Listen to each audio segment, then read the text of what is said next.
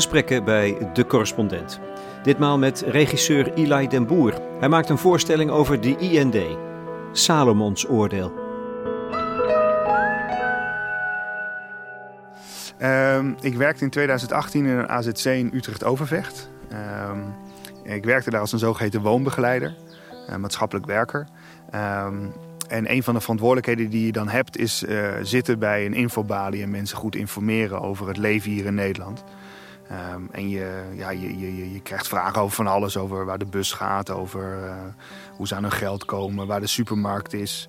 Uh, complexere vragen over hoe iets als leerplicht in elkaar steekt. Um, um, en je probeert dat zo persoonlijk mogelijk te doen. Je probeert het niet als een soort controlerend of hiërarchisch orgaan, maar je probeert het persoonlijk te maken.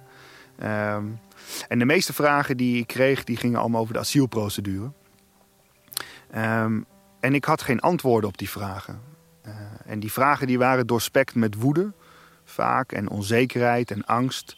Um, en ik werd daardoor enorm in verlegenheid gebracht. Uh, omdat ik die antwoorden wel wilde geven. Uh, omdat ik ook de noodzaak in de ogen zag. Um, en het feit dat ik die antwoorden niet kon geven, dat, dat vond ik vreemd. Dus ik ging op zoek naar kennis bij mijn collega's in het AZC. Maar ook zij hadden vaak de kennis niet. Op wat voor soort vragen? Niet? Um, waarom word ik afgewezen? Um, ja. uh, waarom duurt het zo lang? Dat is de grootste vraag. Uh, hoe zit de asielprocedure eigenlijk in elkaar? Uh, wat is een afwijzing? Hij krijgt al een ja, die was hier later.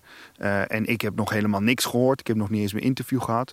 Allemaal vragen die voor mensen die geen kennis hebben heel erg logisch zijn. Uh, voor mij dus net zo goed een vraag waren. Um, en toen mijn collega's die kennis ook niet bleken te hebben. En toen dacht ik, het is eigenlijk ook gek dat ik als Nederlands burger die antwoorden niet heb. omdat ik me ook steeds meer begon te realiseren dat de IND namens uh, ons, namens mij, Nederlander, een keuze maakt. Uh, dus het feit dat ik die kennis niet heb, um, dat is eigenlijk vreemd. En heel Nederland, of veel mensen in Nederland, hebben een grote mening over de asielprocedure, al dan niet terecht. En dan is volgens mij de volgende stap, uh, tenminste die ik wilde zetten, is dan de verantwoordelijkheid pakken om die kennis dan maar te vergaren. Want als de IND het namens mij doet, dan wil ik weten of ik het ermee eens ben of niet. En, uh, en, en, en als de IND dagelijks zulke ingrijpende keuzes maakt, dan wil ik weten hoe. En dan wil ik weten of ik me daar achter kan scharen of niet. Dus toen heb ik bij de IND aangeklopt. En uh, bij de directie uiteindelijk uitgekomen. En heb ik gevraagd of ik opgeleid mocht worden tot hoor- en beslisambtenaar. Dat zijn de mensen bij de IND die de besluiten nemen op asieldossiers. En ook de interviews doen. Um, ik kreeg tot mijn grote verbazing, uh, schrik, maar ook blijdschap kreeg ik te horen dat uh, dat, dat mocht. Uh, al binnen een jaar. Dat is relatief snel voor de IND. Um, en toen ik dat uh, antwoord, of dat dat gehonoreerd werd, toen startte er voor mij een, een, vrij absurd jaar waarin ik dus ben opgeleid tot horenbeslisambtenaar in twee maanden. Daarna onder begeleiding van Peter uh, nog zeven maanden interviews heb gedaan en ook besluit heb genomen op asieldossiers. Peter is een senior medewerker van de IND. Ja, Peter is inderdaad uh, een, een, zeer ervaren man. Dat is een, hij werd mijn begeleider, uh, maar ook een soort vaderfiguur werd hij onderweg. Um, Daarna ben ik, omdat de asielprocedure niet stopt bij de IND, ben ik nog twee maanden gaan werken bij de rechtbank in Amsterdam. Als griffier in opleiding. Want als je bent afgewezen bij de IND, ga je in beroep tegen die uitspraak bij de rechtbank. Um, zodat ik de hele asielprocedure uh, inzichtelijk kreeg. Ik ben nog de advocatuur ingedoken. Ik ben naar Ter Apel gegaan. Um, ik heb een reis gemaakt langs 30 woonkamers in Nederland bij mensen in huis terecht te komen die een uitgesproken mening hebben over de asielprocedure. Ik heb hun een verhaal van drie uur voorgelegd over de IND en een aantal zaken waar ik niet uitkom. Uh, om daar met hen over na te denken. Dat zijn mensen, ik ben bij een aantal jongeren die onderdeel waren van uh, de, de jongeren van Forum voor Democratie uh, thuis geweest. ik ben bij een gezin dat vanaf dag geen PVV stemt. Maar ook linkse activisten die naar de grenzen van Europa gaan om mensen uit zee te redden. en ook uitgeprocedeerde asielzoekers, mensen die er een mening over hebben. En zo heb ik geprobeerd in een jaar tijd zo goed mogelijk onderzoek te doen om te begrijpen hoe de asielprocedure in elkaar steekt.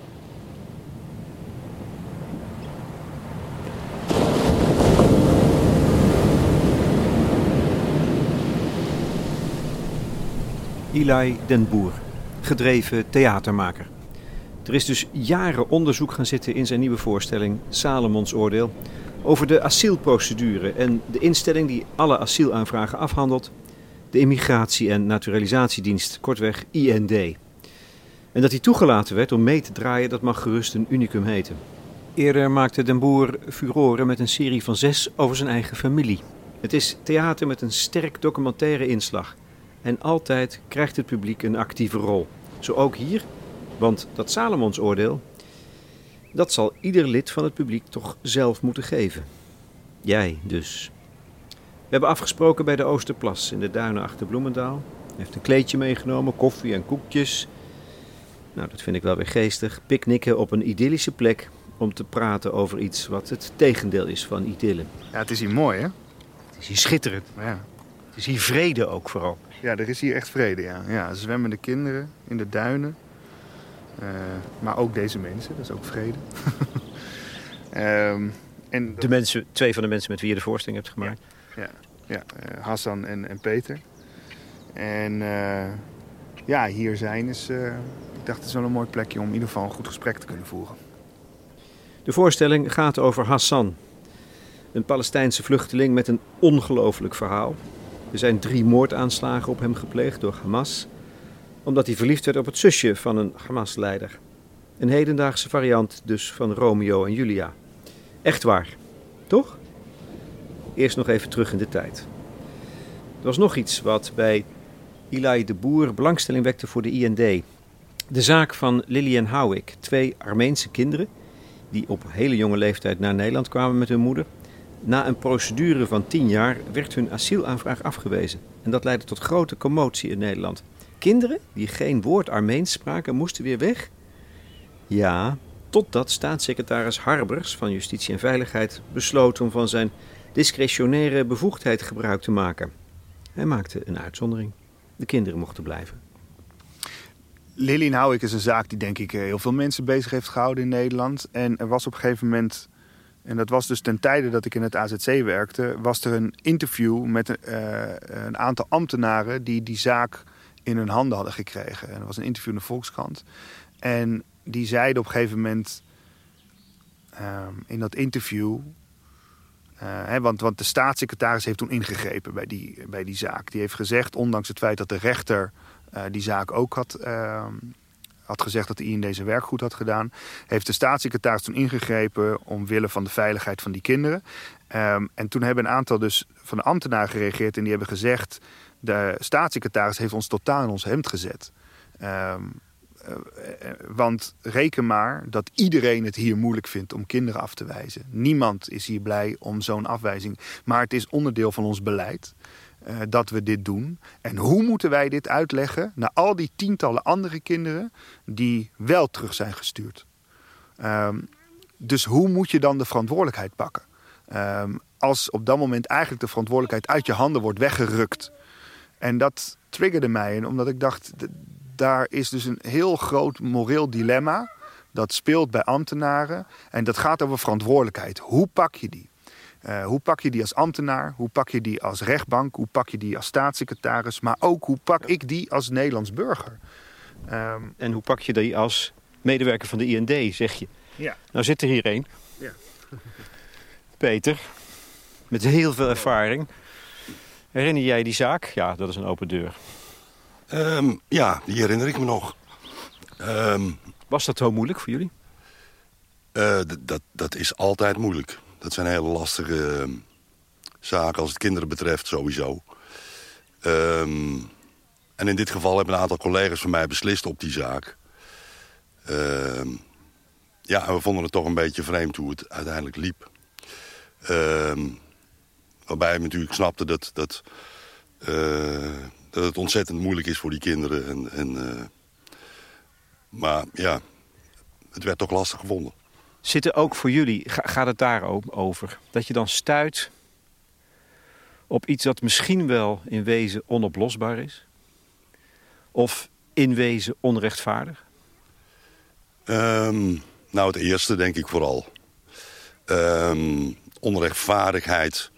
Kijk, als je de zaak van Lilian Houwek uh, bekijkt... dan zijn er natuurlijk honderden kinderen die in dezelfde positie verkeren... maar die wel terugkeren. Ehm, en die wat minder steun vanuit de publieke opinie kregen.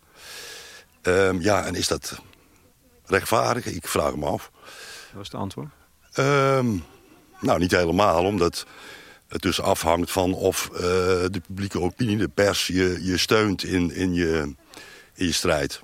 Dus dan sluipt er in ieder geval iets van willekeur in. Ja. Terwijl de rechter hier al duidelijk heeft gezegd van in dit geval uh, hebben deze kinderen geen recht op verblijf. Hè? Dat was het uitgangspunt. Dus ja, en ik, ik, ik, ik ben een democraat. En ik vind dat de rechter hier de hoogste, uh, het hoogste gezag heeft. Um, want dat doet hij ook in andere zaken. Daar, daar, uh, daar worden kinderen afgewezen en die worden wel verwijderd of die vertrekken wel.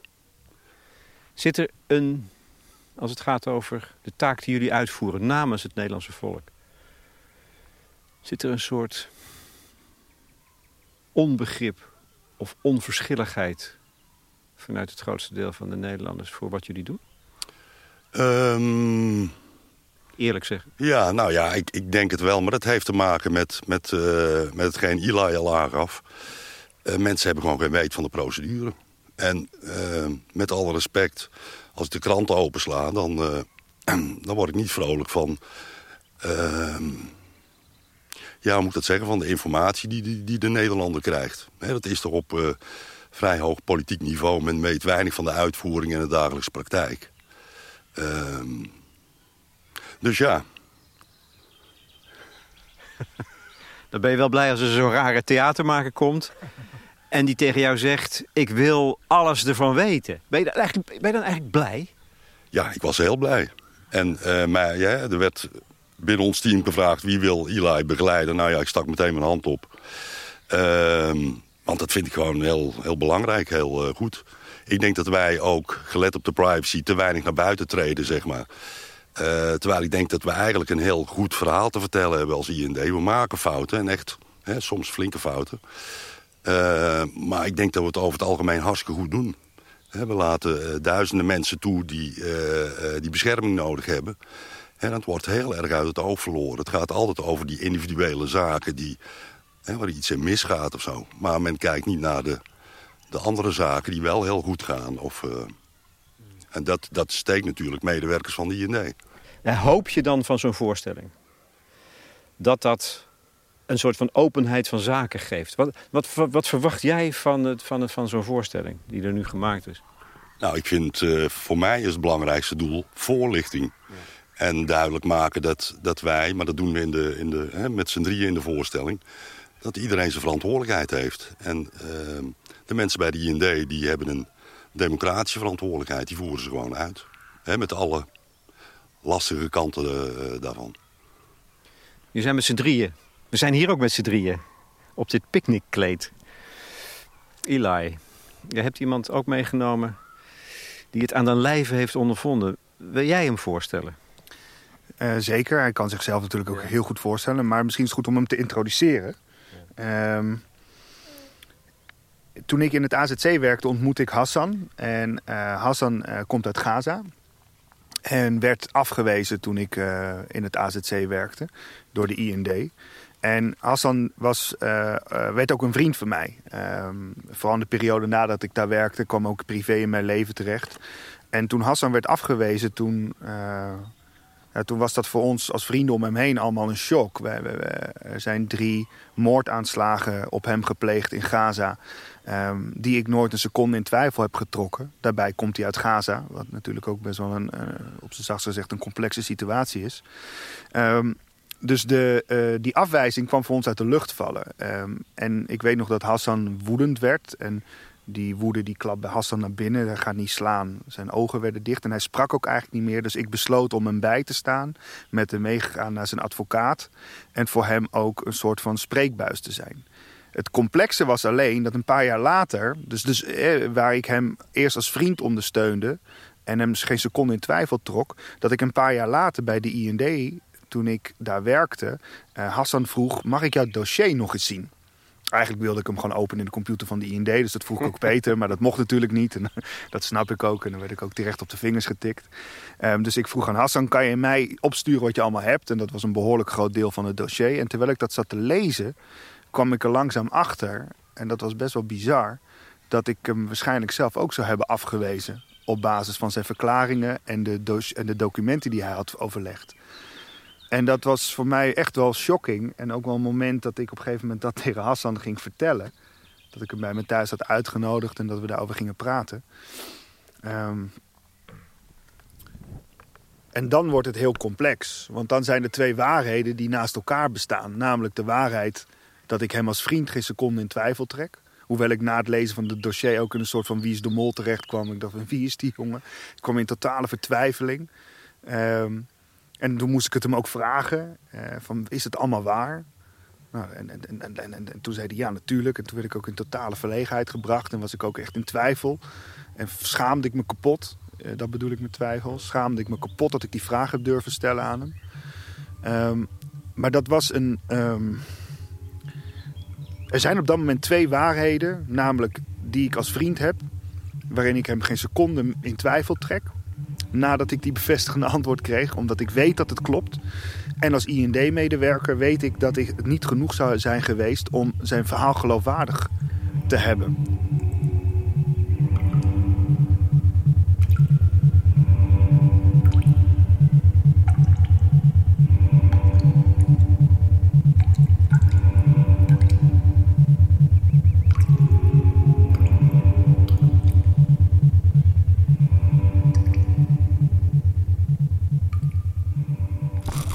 Hassan, it's time to hear your voice. Now that you have been introduced. Hij, hij is ook ambtenaartje of? Hoe? Hij. Rap? No, journalist. Oké. Why do you ask? Omdat hij is ambtenaartje voor mij. And what do you mean with that? Ambtenaartje, hij werkt me- voor de government. So, Vertrouw je hem? hij? Ja. Eh, nu wel. Maar in de regel vertrouw je ambtenaartjes niet. Nee. Waarom niet? ja, het is veel eh, reden. Maar eh, nu, eh, ik snap de procedure meer. Dus ik, ik, ik vertrouw hen. hij en de andere ambtenaren, zij werken bij de IND meer. Ook ik heb eh, mijn broer, eh, hij heeft eh, twee dagen geleden hij heeft, zijn status hier. Hij kan hier blijven. Gefeliciteerd. Ja, dank u wel. Ja, dat moet een gelukkig moment zijn voor jou, denk ik. Ja, was, ja hij, hij, hij, toen hij eh, krijgt de status en hij kan hier blijven, hij zegt, ik, ik voel mijzelf net geboren. Ja, ik, ik voel mezelf, eh, deze mijn e- eerste dag in mijn leven. Mooi. Ja. Dat, dat is ontroerend dus. Ja. Ja. Hij is, eh, ja, voor mij ook, ook hij heeft eh, een beetje een private situatie, omdat hij become blind. Dat was heel moeilijk voor hem. Hij is eh, 23. En ja, hij kan niks doen hier. Hij kan niet naar eh specialist eh, ogen eh, gaan voor zijn probleem om te checken of te zien. Hij kan niet werken, hij kan niet niks doen. En hij, is, hij, is, hij, woont in een prison hier ook, omdat hij kan niks doen. Dat is mijn land. In Gaza en Palestina, wij, wij kan niks doen. Maar hier is me- meer ruimte. Hij kan lopen, maar hij kan niks doen. Daar hetzelfde, maar daar de vers- ver- eh, verschillen alleen eh, minder eh, ruimte met eh, oorlog. En gevaarlijker. Altijd. Wie is Hassan? Ja, Hassan eh, iemand... eh, eh, hij, hij houdt eh, van leven. Ja, hij, hij, wil, hij houdt van leven en hij wil eh, to discover eh, deze wereld. Omdat eh, Hassan hij was eh, de, heer, de hele leven eh, woon in eh, prison. Hij ziet eh, die wereld alleen op de scherm. Eh, eh, ja, en ik wil, ik wil, ja, ik wil echt eh, delen eh, met eh, veel mensen eh, dit leven. Omdat ik hou te veel om te leven. Jij hebt die hele procedure doorlopen zelf. De procedure die ja. Ja. zo moeilijk te begrijpen is. Ja. Wat vond jij daarin het moeilijkste? Ja, dat uh, voor mij de moeilijkste uh, toen ik kom hier naar Nederland en ik ken niemand. Uh, helemaal andere taal, andere cultuur, andere mensen. Uh, ja, andere wereld voor mij. Ik kom hier naar Eindhoven en ik ken niemand. Ja. Eli vertelt net dat jullie bevriend zijn geraakt.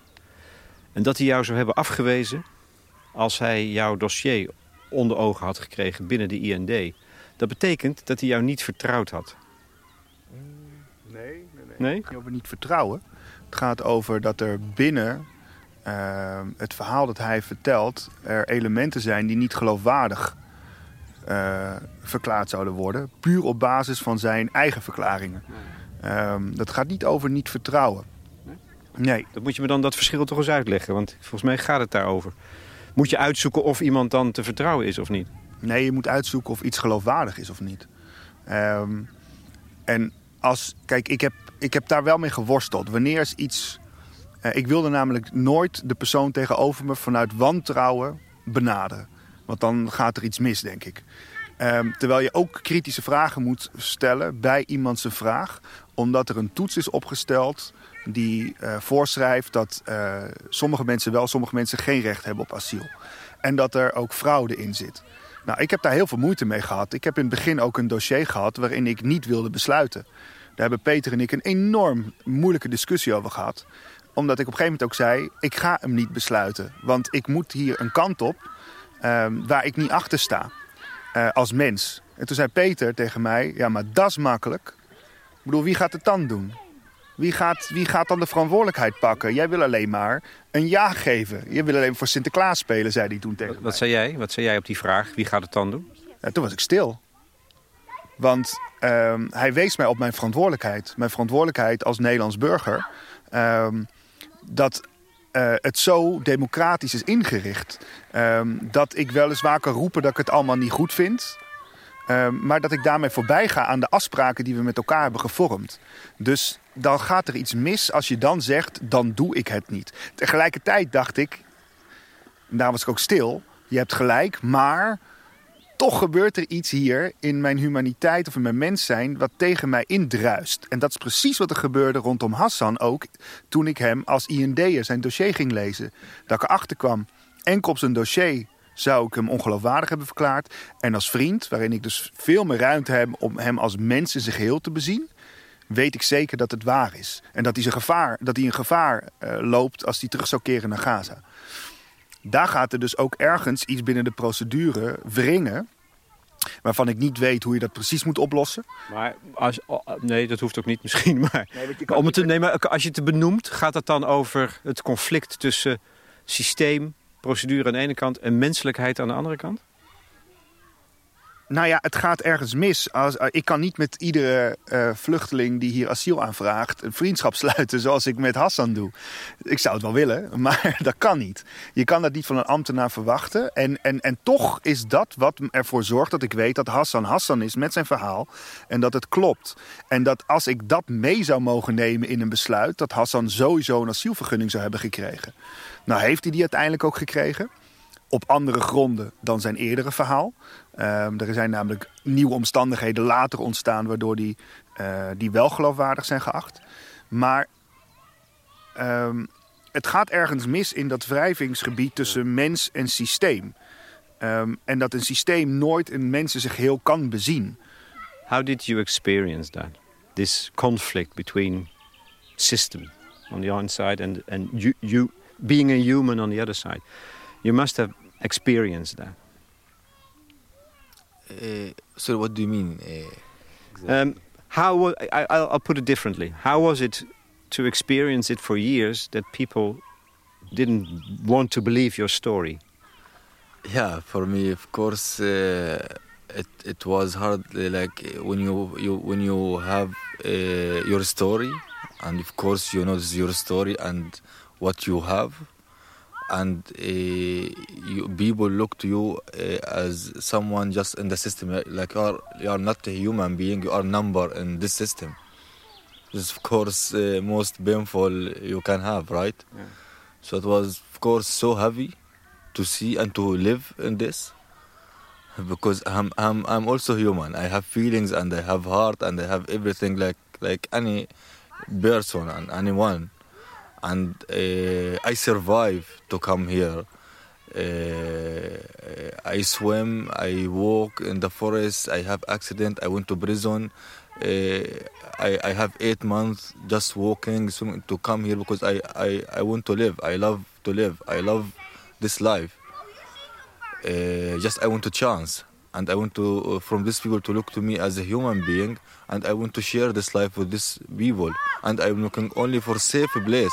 I'm not I'm not coming here to looking to be a rich man or uh, you know I'm just I'm only what I ask only for to be for only to have a safe place I can live and I can I can choose my life how it have to be and how I want to like to live my life. It's the only thing. But of course, it's sad to see people look to you as just number in this system. This is it's most difficult thing to see because uh, you see you, you see people live here and uh, I don't see myself different I'm these people because everybody we, we come from uh, our mother belly or bomb everybody have same heart same uh, mind same uh, uh, body like so i'm i'm someone like everybody and i want just to live like everybody Did, did this perspective changed? Um, because you're now talking about the perspective uh, when you were in the procedure, uh, you you saw it as a number. You still see it uh, as that uh, a person who's in the procedure is a number. No, I don't think so. Especially also what what happened with uh, my brother. Now I, I start to believe uh, with the IND and uh, how the procedure works. I start to understand more, and I start to believe in it more than before, of course. Because this is the really something complex that I also tried to explain to you eh, that night that you were at my place, and that I also asked you, "Is your story true?" Uh, I also told you everything about the procedure back then. En, en ik ervoer het in het begin ook als een procedure die volledig ontmenselijkt is. Maar het unieke van het Nederlands asielprocedure, die Europees ook eh, eh, eh, aangestuurd wordt, is dat elke zaak individueel gewogen wordt. Het is wettelijk niet toegestaan, en daar kan Peter zelf ook hele mooie dingen over zeggen, eh, wettelijk gewoon niet toegestaan om een zaak eh, in een soort bulk te behandelen. Het is, iedere zaak moet individueel gewogen worden. Het enige is, is dat daar soms keiharde keuzes aan ten grondslag liggen, die ik ook heel moeilijk vind om te maken, maar die eh, die gemaakt moeten worden, omdat het nou eenmaal zo is voorgeschreven. eh, of ik daar nou mee eens ben of niet. Ehm, en dat eigenlijk wordt dus de mens behoorlijk bezien. Het enige is, is dat het niet altijd lukt om de mens in zijn geheel te bezien. Maar het is wel de opdracht om de mens in zijn geheel te bezien. Want anders zou het inderdaad een, een nummer zijn. Een algoritme bij wijze van spreken. Nou, dat lijkt me helemaal onwenselijk dat iemand volgens een algoritme wordt beoordeeld. Ehm, nou ja, bijvoorbeeld de Belastingdienst, Hè, daar wijst Peter me ook vaak op. Dat is het grote verschil tussen de Belastingdienst en de IND. Eh, die bekijken sommige zaken, niet alles, maar eh, vanuit een algoritme.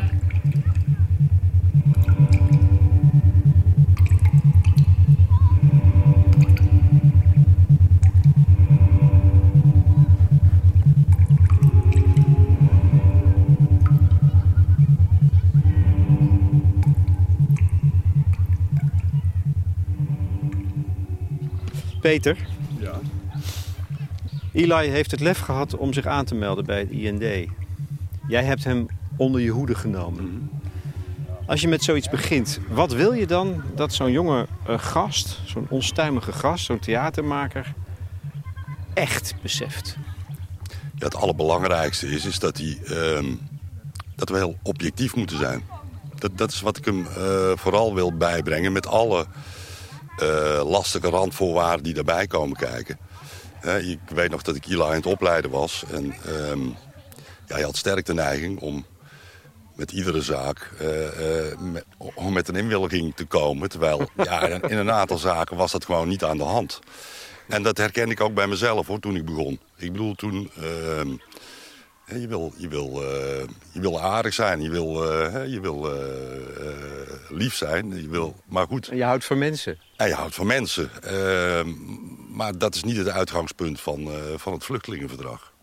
iemand moet gegronde vrees hebben voor, voor, vervolging op basis van een aantal criteria. Dat is het uitgangspunt. Dus ja, ik heb Eli een paar keer ja, toch, toch wat kritischer moeten leren, leren kijken naar dingen. Uh, en dat pikte hij gelukkig wel op, want hij is, ja, dat deed hij eigenlijk wel heel goed. En wat waarborgt dan die objectiviteit? Nou ja, het, we, we, hebben, we, doen heel veel onderzoek bij de IND. Hè, documentonderzoek, uh, onderzoek naar taal, onderzoek naar uh, in het buitenland. Ehm, ja, heel veel onderzoek doen we. en daarmee proberen we zo'n zaak zoveel mogelijk te objectiveren. Hè, dus kloppen dingen, kloppen ze niet. Gewoon de feiten, de waar, echt toch de waarheidsonderzoek in feite. Dat, dat is, ja, we willen wel zo dicht mogelijk bij die waarheid komen. Uh, alhoewel iemand, uh, wat we uiteindelijk beslissen is of een zaak aannemelijk is of niet. Hè? Dat is toch een, een lichtere vorm van, uh, van waarheid. Ja, daar, werkt, daar, werkt, de rechter ook mee, denk ik trouwens. Ja, ja precies. En eh, wij geven dan in die gevallen waarin we twijfelen ook het voordeel van de twijfel. Ja, dat, dat is de, de manier waarop we werken. Dus dat moest hij leren? Ja. Wat nog meer? Hij moest... Ik, ik heb hem toch denk ik geleerd om kritischer te kijken. Eli nam dingen toch wel heel snel voor waar aan. En uh, nou ja, dan zei ik van, start dit onderzoek eens op. Nou, en dan bleek dan het, tegenovergestelde uit. Um, dat is dus nog niet evident, hè? Om uh, kritisch te zijn. Nee, nee, dat is niet gemakkelijk. Dat heb ik mezelf ook aan moeten leren. Ik heb toen ik 27 jaar geleden begon, ook uh, kritische begeleiders gehad. Uh, want toen was ik, had ik de, dezelfde neiging om ook te weinig kritisch te kijken. En ik denk dat het ook... Ehm, ja, dat verlangt men denk ik ook van ons als, als ambtenaar. Dat we, hè, er zijn, ik heb het tegen Eli wel eens gezegd... er zijn zo'n 70 miljoen ontheemde mensen in de wereld. Nou, die zouden allemaal heel graag in Nederland willen wonen. Er zijn een 2 miljard mensen die gewoon te weinig te eten hebben. Die, die, uh, die hun kinderen niet te eten kunnen geven. Die willen dat ook. Hè? Maar dat, dat is niet waar aan we toetsen. En die mensen gun ik het uh, van harte dat ze een prachtig leven en een goed leven hebben. En, maar dat, ja, dat toetsen we niet aan. Dat is, Ben jij door dit werk veranderd als mens? Ja, ik denk het wel denk het wel. Ik, ik natuurlijk weten in welke zin, hè? Ja, ik heb natuurlijk heel veel schrijnende dingen meegemaakt. Dat is uh, mensen die getraumatiseerd zijn. Maar ook de andere kant. Mensen die, ja, mensen die gewoon tegen je liegen terwijl je eh, later onderzoek doet. En dan blijkt dat het... Hè, dat, dus dat gaat twee kanten op. Dat is, uh, en dat is af en toe... ben, je, ben je cynisch geworden? Ja, dat moeten anderen beoordelen, denk ik. Ik, ik, ik vind zelf van niet. Um, je houdt nog steeds van mensen ook. of je gelooft in, in de mens. Dat is een soort geloof in de mensheid. Hè, slash houden van mensheid. Mijn, mijn uitgangspunt was dat ik uh, mensen wilde helpen uh, toen ik bij de IND begon. En dat heb ik in principe nog steeds. Uh, maar ik vind wel dat, dat we bepaalde voorwaarden moeten stellen... om, om het in Nederland ook leefbaar te houden en in, in Europa leefbaar te houden. Dus dat vind ik redelijk. dat hebben we met z'n allen democratisch besloten. En ja, dat, dat volg ik dan uh, wel, ja. Ik vind het knap hoor. Eli, jij hebt van deze ervaren man les gehad. Hoe, hoe was het om te werken voor de IND? Um, ehm, nou, heb je even? Ja, heb je even, ja. ja. Nou ja, daar is ook niet één antwoord op. Uh, ik, ik vond het heel confronterend. Ik vond het ook Wat, wat is confronterend? Nou, om, om echt moeilijke besluiten te maken. Uh, zoals ik net ook vertelde, in het begin wilde ik sommige besluiten niet nemen. En uh, dan uh, ben ik gewend als mens die theater maakt... en dat ik de vrijheid heb om een keuze te maken. Om te zeggen, nee, dit wil ik niet. En die vrijheid heb je natuurlijk ten alle tijden. Maar daar werd er wel een grens op geworpen. Dat Peter zei, ja, Maar wie gaat dat dan doen? Ehm, Was je daar toen op een gegeven moment wel toe bereid? Is dat wat je dan toch leert? Dat Ja. je, dat, dat kan? Ook voor jou? Met jouw eigenlijk verzet tegen Ehm, hoe het werkt? Ja, maar ik moest wel, de opdracht die Peter mij hierna gaf, was eh, duik weer je opleiding eh, aantekeningen in. En al het materiaal dat je in de twee maanden opleiding hebt gehad. Verhoud je tot de procedure, de minuut. Dat is de, het document waarin je werkt als beslisser. Eh, en ga die volgen. En vind handvatten om ermee om te kunnen gaan. En, ehm, en dat ben ik toen maar ook maar gaan doen. En, en toen kwam ik eigenlijk achter dat het systeem, de, procedure, heel secuur werkt. Dat er ongeveer tien afdelingen zijn binnen de IND die onderzoek doen naar een individueel persoon. Ehm, van medische omstandigheden tot de, is iemand wel of niet uit een eh, oorlogsgebied gekomen... waar die misschien zelf ook een eh, oorlogsmisdaad heeft gepleegd, want dat wil je uitsluiten. Ehm, tot aan de geloofwaardigheidstoets, eh, die gaat over wat iemand verklaart... maar ook iemand kan verklaren dat hij homoseksueel is. Nou, hoe toets je dat? Er is een specialist voor. Er zijn landenspecialisten. Ehm, er zijn specialisten op het gebied van bekeringen. Ehm, er, wordt ongeveer twee, drie dagen gehoord, geïnterviewd. Er vormt zich een dossier van drie, 400 pagina's. Er wordt documentenonderzoek gedaan door specialisten. De marechaussee die houdt zich bezig met iedere zaak. Ik bedoel, dan- ik dacht, ik dacht, oh ja, ik zit in een soort groter web. En daarbinnen moet ik als beslisser al die kennis en informatie die mij wordt voorgedragen, moet ik interpreteren, goed wegen en daar een juridisch en moreel juist besluit over, ver, eh, over maken. Nou, zo heb ik keuzes gemaakt waar ik achter sta. Eh, als ambtenaar, eh, omdat ik me daartoe wist te verhouden. Maar als ik dan weer uitzoomde, na mijn fase bij de IND... ehm, en dat ik met vrienden bijvoorbeeld ging praten om me heen... die dan vanuit een veel activistischere hoek gingen kijken... ehm, die mij dan soms vroegen, "Maar wat heb je gedaan? Dat ik dan weer dacht als mens, ja, kut, dit, soms kan ik dit niet verenigen met waar ik voor sta dan ook weer. En dat werd dan soms heel problematisch. En En dat gaat over de functie die een mens kan uitoefenen. Zoals je een uniform kunt dragen, kan je ook hè, een functie uitoefenen. En dat is dan wat je moet doen. En dat is toch net heel subtiel een klein beetje anders dan mens zijn. ja, nee, ik deed wel... Nee, schucht ze. Nee, zegt Peter. Nee, want je doet het als mens. Nee, dat, dat is ook, dat, daar hebben Eli en ik het samen vaker over gehad. Ehm, hè, wat men zegt, je beslist over een mensenleven. Ja. Nee, maar dat, dat doe ik niet. Ik, ik beslis hooguit over hoe de toekomst van iemand gaat verlopen. Nou ja. Nee, maar, maar- ik, het verhaal is nog niet af. Maar waar, waar ik op beslis, is op het verhaal wat iemand tegen mij vertelt.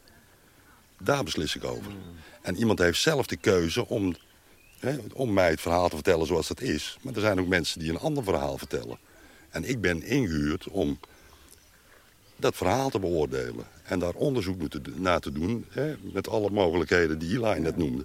Ik vind het echt een wezenlijk verschil.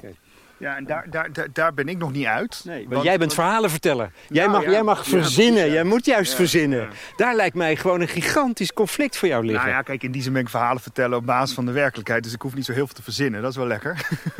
Eh, ik moet vooral ervaren hoe de werkelijkheid in elkaar steekt met de juiste kennis. Maar de, de, de- daar waar Peter inderdaad zegt, ik toets niet de mens, ik toets een verhaal. Dat snap ik, maar daar worstel ik nog steeds mee. Omdat voor mij is de consequentie wel degelijk op het gebied van een mensenleven. Maar ik snap ook dat Peter zegt dat dat anders ligt. Ik heb daarna dus nog twee maanden bij de rechtbank rondgelopen. En toen werd het af en toe dus nog complexer. Omdat de rechtbank die toetst of de IND wel of niet zijn werk goed heeft gedaan. En daar zitten onwaarschijnlijke goede rechters en griffiers die dat moeten toetsen. En ehm, daar ben ik ook diep van onder de indruk geraakt. Ehm, maar het toetsingskader is nauwer. En daar had ik in het begin moeite mee. Later dacht ik, is eigenlijk heel goed. Want je wil niet dat nog een keer een rechter de- de zaak helemaal opent. Want dan krijg je dat... Eigenlijk, waarom zou de IND er dan zijn? Hè? Ehm, want de- daar ligt eh, het grote zwaartepunt in de procedure bij de IND. En de rechter moet checken of de IND zijn werk wel goed doet. En in hoger beroep doet de Raad van State dat ook. Maar ehm, eh, er waren zaken die langskwamen. Want alle zaken die daar natuurlijk bij de rechtbank komen zijn afwijzingen. Waarvan ik dacht, ik weet nog zo net niet of ik dit ook had afgewezen. En dat ik toch het gevoel kreeg, er zit een bepaalde ehm, eh, willekeur in wie er... Dat, dat, dat, dat, of tenminste, dat een ambtenaar een verhaal anders kan interpreteren. En dat als Peter en ik deze zaak bij spreken hadden besloten... dat de- deze man of vrouw dan een asielvergunning had gehad... maar nu is dat een nee geworden omdat iemand anders. Nou, dat is een gesprek tussen Peter en mij... waarvan Peter zegt, dat verschil is minimaal. Ehm, en waarvan ik dacht, ja nee, dat verschil is er wel degelijk. En dat is ook waarom ik net zei, al is het er maar één, vind ik het veel. Want wat de rechtbank vervolgens niet kan, is een eigen oordeel daarover vellen. Die kan enkel zeggen, die IND heeft de procedure goed toegepast of niet. En zo heb ik wel bij de rechtbank, en daar was ik ook met de rechter die mij begeleiden, een aantal pittige gesprekken gehad. Dat ik dacht, ik kan me hier niet achter scharen dat de rechtbank nu gewoon de IND gelijk geeft. Omdat ik het idee heb dat deze zaak misschien wel ook gewoon een ja had kunnen zijn. Maar de rechtbank kan het niet meer corrigeren. En, en toen zei die rechter ook tegen mij: Maar wat jij nu wil, is jouw persoonlijke mening een rol laten spelen in wat jij een goed besluit vindt. En dat is uh, de rechtszekerheid in gevaar brengen. Want dan krijg je dat je bij rechter A, bij wijze van spreken, meer voor elkaar zou kunnen krijgen dan bij rechter B. En dat is in de kern ook wat Peter steeds tegen mij zei. Je moet je persoonlijke smaak en overweging buiten wegen kunnen laten. Want het moet niet zo zijn dat dat wat ik een jaar vind, een doorslag zou moeten geven. Want dan ben je terug bij willekeur. Dan, dan, dan ben je aan de goden overgeleverd. dan ben je terug bij de minister die zegt, ja, jij wel en ik niet. Exact. En, en, en, en dan zit je eigenlijk ook weer vast. Want, want, want wat zegt dat mijn jaar een betere jaar is dan de jaar van, van, van een andere medewerker in IED? Ja die dus anders in het leven staat. Dus je moet de speelruimte zo klein mogelijk maken. Maar in het theater niet. Daar moet je de speelruimte zo groot mogelijk maken. Laatste onderwerp. Exact. En daar zit de complexiteit. Want ik vind toch dat we die ruimte moeten oprekken. Ik vind toch dat er op de een of andere manier daarover nagedacht moet worden. Maar ik ben er echt oprecht niet uit hoe. Want Peter heeft gelijk. Uh, Dennis, mijn begeleider bij de rechtbank, heeft gelijk in wat hij net zegt. Maar ik vind dat Hassan net zo goed gelijk heeft. En dat mijn verscheuring er ergens tussenin is de zoektocht... waar ik hopelijk het publiek in meeneem... om met elkaar na te denken over de vraag die we ze ook stellen... in welke wereld willen wij leven met elkaar? Um, als dit aan de hand is, en het is dagelijks aan de hand, dat we op een, uh, op een bij spreken, een, een, boot leven waar we met elkaar, met z'n allen op varen. En er komt op een dag nieuwe mensen op die boot. En wij als bewoners van die boot moeten ons dan afvragen, wat doen we met die nieuwkomers? Ja, dan kunnen we met elkaar nieuwe afspraken maken. En kunnen we ons afvragen in welke wereld we willen leven. En, en, en, en, en hoe we de verantwoordelijkheid pakken. Want dat is wat ik als mens die zelf in de geschiedenis ook heeft van een, van een oma die gevlucht is tijdens de Tweede Wereldoorlog. En ik die zelf heel erg zoek in deze wereld hoe ik me daartoe moet verhouden. Um, me wil afvragen, want ik weet niet of we het altijd goed doen.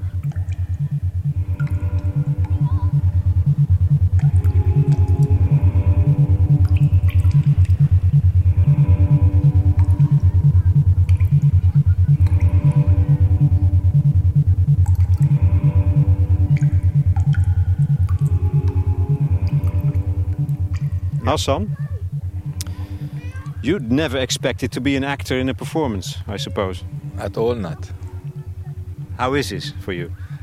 It's amazing uh, to be an actor in performance, but it's not only about this. It's for me special to share my story with people. This is most important than to be actor in performance. Of course, I I, I love uh, to be actor in performance or to do theater but for me to share not only uh, also my farhal my story also to share other people uh, how they live and what they have in under account of this world and uh, to share with these people living here they don't know about other side of this world. That's also most important for me. It's not about only myself it's also about other people to share how they live and what they have and what there are a lot of people also they looking for a, a, a safety life but they cannot find it. They cannot have it. And for me uh, I, I come from Palestine uh, especially Gaza Strip and this part in uh, this country it's uh, so complex, uh, complex uh, situation there for people. People they have nothing, they have no life. They live in a prison. we have we have nothing. like like the my generation and the every generation after my generation, they they oh, you know can you imagine they waiting the moment to die because they have yeah, they have no future. And they know this. They have no future. And every day they, they get killed slowly. Can you imagine you, you, you, you if, if you want to marry, you cannot because out of reason. Uh, if you want to study, you cannot also because, uh, because of out of reason. A lot Ja. of reasons. Ja. Oké. Vanwege heel veel Uh, redenen, ja. That's that's uh, they live in war, war, the whole time. Uh, uh, even uh, like for me, if I'm there and I want to make family, I cannot because if I want to make family and I want to have children, I cannot bring children children to this uh, life, and they are not safe. It's very clear. I understand that. Still, you put yourself in a position in the theater where you tell your story, and then again, people are asked, Do you believe this guy? How painful is that? Of course, yeah, it's most painful you can have. But uh, I told you maybe I still uh, love this life. Uh, that's uh, it's uh, most painful for me, but it's make me more stronger because I still want to survive and I will still fight for this life.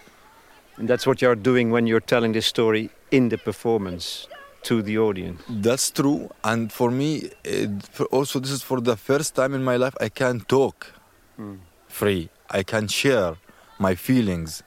I can share how I want to live, and this is also most important for me because I I I I, I couldn't imagine that in one day I can talk free.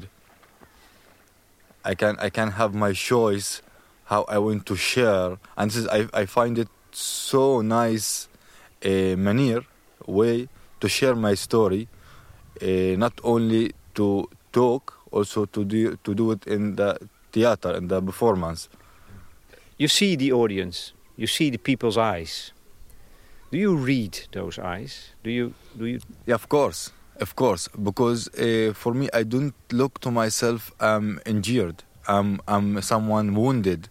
I, I look to myself. I'm I'm I'm a person. I I cross all the way from my country to here.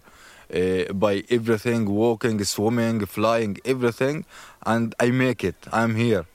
If you want to believe me or not, this is your choice. But for me, I believe in myself. That's I make it. I'm I'm here. I'm not someone is wounded, and I want to people to look to me. They are sad about me or to look to me that someone someone I'm wounded. I'm not wounded. geen medelijden, vraag je? Nee. There is a beautiful moment in, uh, in our conversation at my place uh, that you asked me something and you also asked me in the performance. Eh? Yeah. I I I, I want to ask if, if it's important that you believe me. And this is in the middle of the, the big discussion, and, and suddenly he intervenes, and it was also personally in my life with this question, but also, and then he, the, all the, the attention goes to, to his personal question, and also that he's not a subject, but he's a human being, and that he asks, but is it important that you believe me? Beautiful question. Yeah, of course. And uh, What's the answer? Yeah, uh, and for for me also, uh, uh, um, uh, and I want the people also to think everybody, if if everybody take his responsibility or not in this life. Thank you. Peter, wat is jouw rol in de voorstelling? Ben jij de clown? Nee, nee. Nou ja, dat moeten anderen beoordelen. Ehm, Nee, maar ik probeer, ik probeer, ehm, ik probeer aan te geven wat, wat, wat eh, de rol van die D is. In, eh, en ik probeer duidelijk te maken aan het publiek wat, ehm, voor welke dilemma's wij staan. En ehm, het humanitaire gaat het vaak over. Hè? En ik denk dat wij heel humanitair zijn. En, maar, maar geeft het jou iets? Deze, dit bedoel, je treedt naar buiten, denk ik. Ja, dat doe je misschien wel vaker, sowieso. Nee, maar- Maar nu zitten er gewoon, nu, nu zit je in een, in, een, in een theater. ja. Hoe het er ook uitziet. Ja, dat lijkt me toch een nieuwe stap. Ja, dat is een nieuwe stap. Dat is ook eh, spannend. Ik, eh, ja, we hebben twee proefoptredens gehad en dat was spannend, moet ik zeggen. Maar ik, ik vond het ook wel ik vond het ook, eh, prettig om eens een keer naar buiten te kunnen treden... als vertegenwoordiger van een organisatie die altijd, in een, ja, die altijd kritiek over zich heen krijgt, toch wel. Ehm, en wat ik leuk vond, is dat mensen daar toch wel prettig op reageren. Dat ze zeggen van, hé, hey, oh, doen jullie dat zo? En eh, dat hadden we eigenlijk niet helemaal zo verwacht. Ook mensen die kritische vragen stellen, gelukkig. Hè? En daar heb ik tot nu toe altijd wel antwoord op. Ehm, tenminste, mijn antwoord. Ehm, ik vind ook dat overheidsorganisaties als de IND dat gewoon veel vaker moeten doen, dit soort dingen. Uh, gewoon openheid en, uh, en, en, en, duidelijk maken dat er... wij zijn allemaal hele hardwerkende mensen die, vind ik, het hart op de goede plek hebben bij de IND. Ehm, en wij, wij, ik vind dat wij heel goed werk doen. Dat we, dat we echt, ja, echt bijdragen aan een, aan een betere samenleving. Geen meedogenloze ambtenaartjes, hè? Nee. Nee, dat vind ik absoluut niet. Nee, nee dat, is, uh, dat is niet het beeld wat ik van mijn uh, collega's heb. Ze... Ik ook niet voor jou, hoor. Nee, nee, nee, nee, tegendeel. Um, anders zou hij ook niet zo lang met jou in zee zijn geweest. Dat weet ja. ik ook al lang. Uh, heb jij... Kijk, hij had een prachtige vraag. Hè? Is het important... is het belangrijk om mij te geloven? Heb jij ook zo'n soort vraag die jij eigenlijk aan het publiek stelt? Um, nou, de, de, de vraag die veel speelt, vind ik, is de verantwoordelijkheidsvraag dat is eigenlijk toch wel voor mij een beetje de rode draad in, in, het, uh, in de voorstelling. Vind ik ook heel belangrijk. En want mensen staan vaak te roeptoeteren vanaf de zijkant. Dus de vraag is, wie is verantwoordelijk? Ja, of, of hè, de, de, doe je mee en deel je die verantwoordelijkheid ook als, als, uh, als, als, als kiezer, uh, als Nederlander. Hè? Um, of denk je, zoek jij het maar uit joh, met je moeilijke dilemma's? Nou, dat is wat er dus veel gebeurt. Hè? Maar dat gebeurt ook bij de kinderbescherming of bij ander, allerlei andere organisaties waar hetzelfde speelt. Belastingdienst. Belastingdienst, alhoewel die casus vind ik niet vergelijkbaar is met, met uh, bijvoorbeeld IND. Nee, maar wel het afschuiven van, verantwoordelijk, verantwoord, van verantwoordelijkheid. Ja, ja, nee, dat klopt. Dat klopt, ja. Dat, dat doen mensen omdat ze dat liever niet willen, uh, willen weten... of uh, die verantwoordelijkheid niet durven dragen. En ja, ik vind, het, ik vind het goed dat wij dat bij de IND wel doen. En dat, dat, daar sta ik voor. Eli, laatste vraag. Mm -hmm. Jou natuurlijk. Wat is jouw vraag die jij eigenlijk aan het, aan het publiek stelt? Nou, de, de, de belangrijkste vraag op het einde van uh, in welke wereld willen wij leven met elkaar. Um, en in het begin uh, leg ik ook de metafoor, het heet ook Salomons oordeel natuurlijk, het project. Waar halen wij de wijsheid vandaan voor een Salomons oordeel? Um, en dat gaat ook over uh, wijsheid, dat gaat over kennis. En dan verantwoordelijkheid pakken en, en hoe doe je dat? En daar is ook niet één antwoord op en dus ook eigenlijk niet één vraag in te stellen. Uh, de voorstelling hopelijk geeft uh, allerlei verschillende perspectieven. En dat wat we van de twee keer testpubliek die we nu langs hebben gehad in de repetities terug hebben gekregen... is dat ze constant van het ene naar het andere perspectief werden gesleurd. Um, en dan zelf aan de slag moeten. Ik vraag de mensen ook om een brief te schrijven. En dat deed ik al in de woonkamervoorstellingen, maar dat doe ik nu ook hier. Dus we verzamelen een enorme hoeveelheid aan brieven... die allemaal uh, uh, uh, geschreven worden vanuit hoe willen we deze samenleving met elkaar vormen. En hopelijk vormen we dan straks een ontzettende archief van ideeën, hartekreten... mensen die iets willen delen omdat het ze dwars zit. Maar die allemaal vertrekken vanuit... oei, het zat net wat complexer in elkaar dan ik hiervoor dacht. Oei, ik deed wel heel veel aannames. Jeetje, ik moet nu eigenlijk wel even goed gaan nadenken. En dat krijg ik ook. Ik geef de mensen ook de tijd. Ik mag over twee, drie weken ook je brief sturen. En ik krijg ze ook vaak twee, drie weken later. En dat is fantastisch. Um, en dan kan je met elkaar het oneens zijn, wat wij het ook heel vaak zijn in de voorstelling. Uh, maar wel met elkaar nadenken en de verantwoordelijkheid met z'n allen de schouders eronder. En nadenken over waar dan die boot, waar ik het net over had, zou moeten aanmeren. En hoe we dat met elkaar willen doen.